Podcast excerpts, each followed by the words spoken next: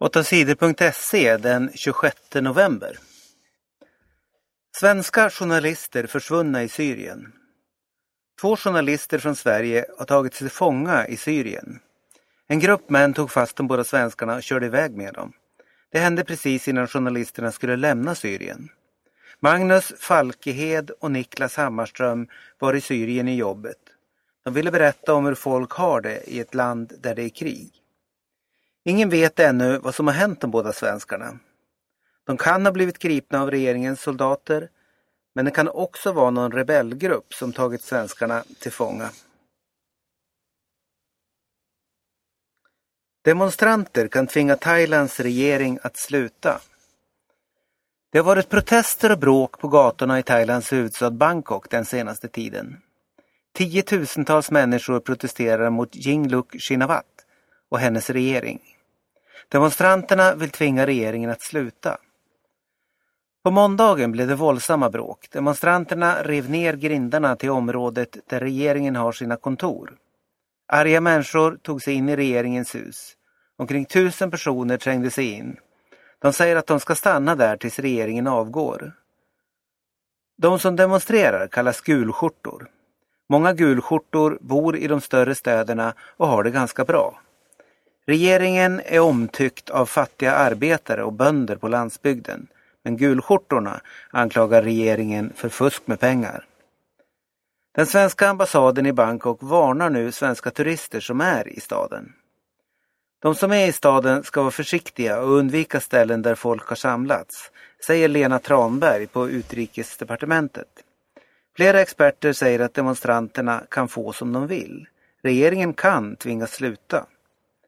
Det avgörs, avgörs nog under den här veckan, säger en politisk expert på universitetet i Bangkok.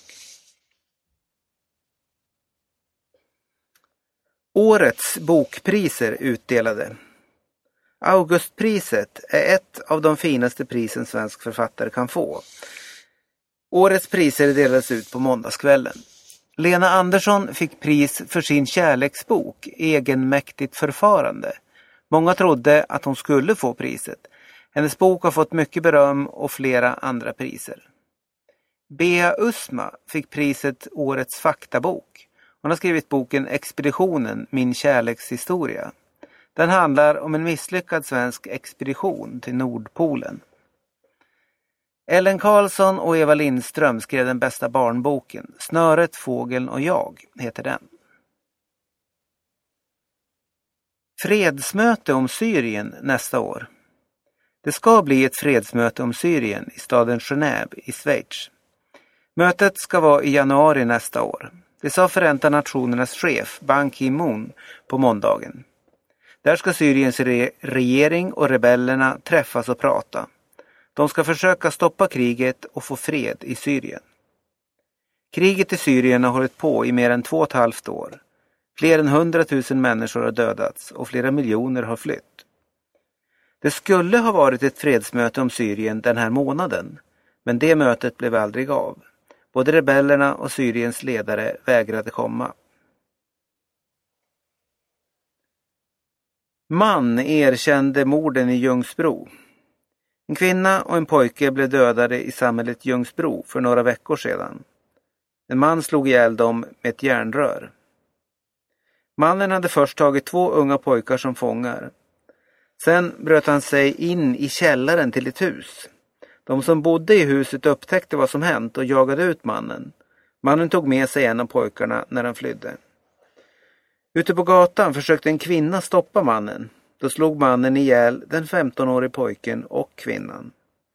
Mannen har nu erkänt att han dödade pojken och kvinnan. Experterna säger att mannen är psykiskt sjuk. Minst 15 dödades av bomber i Bagdad. Två bomber sprängdes på måndagen i Iraks huvudstad Bagdad. Bomberna sprängdes på en marknad. Minst 15 människor dödades. Fler än 30 skadades. Bomberna sprängdes i ett område där det bor mest shia-muslimer. Det har varit mycket våld och bomber i Irak i år. Flera tusen människor har dödats.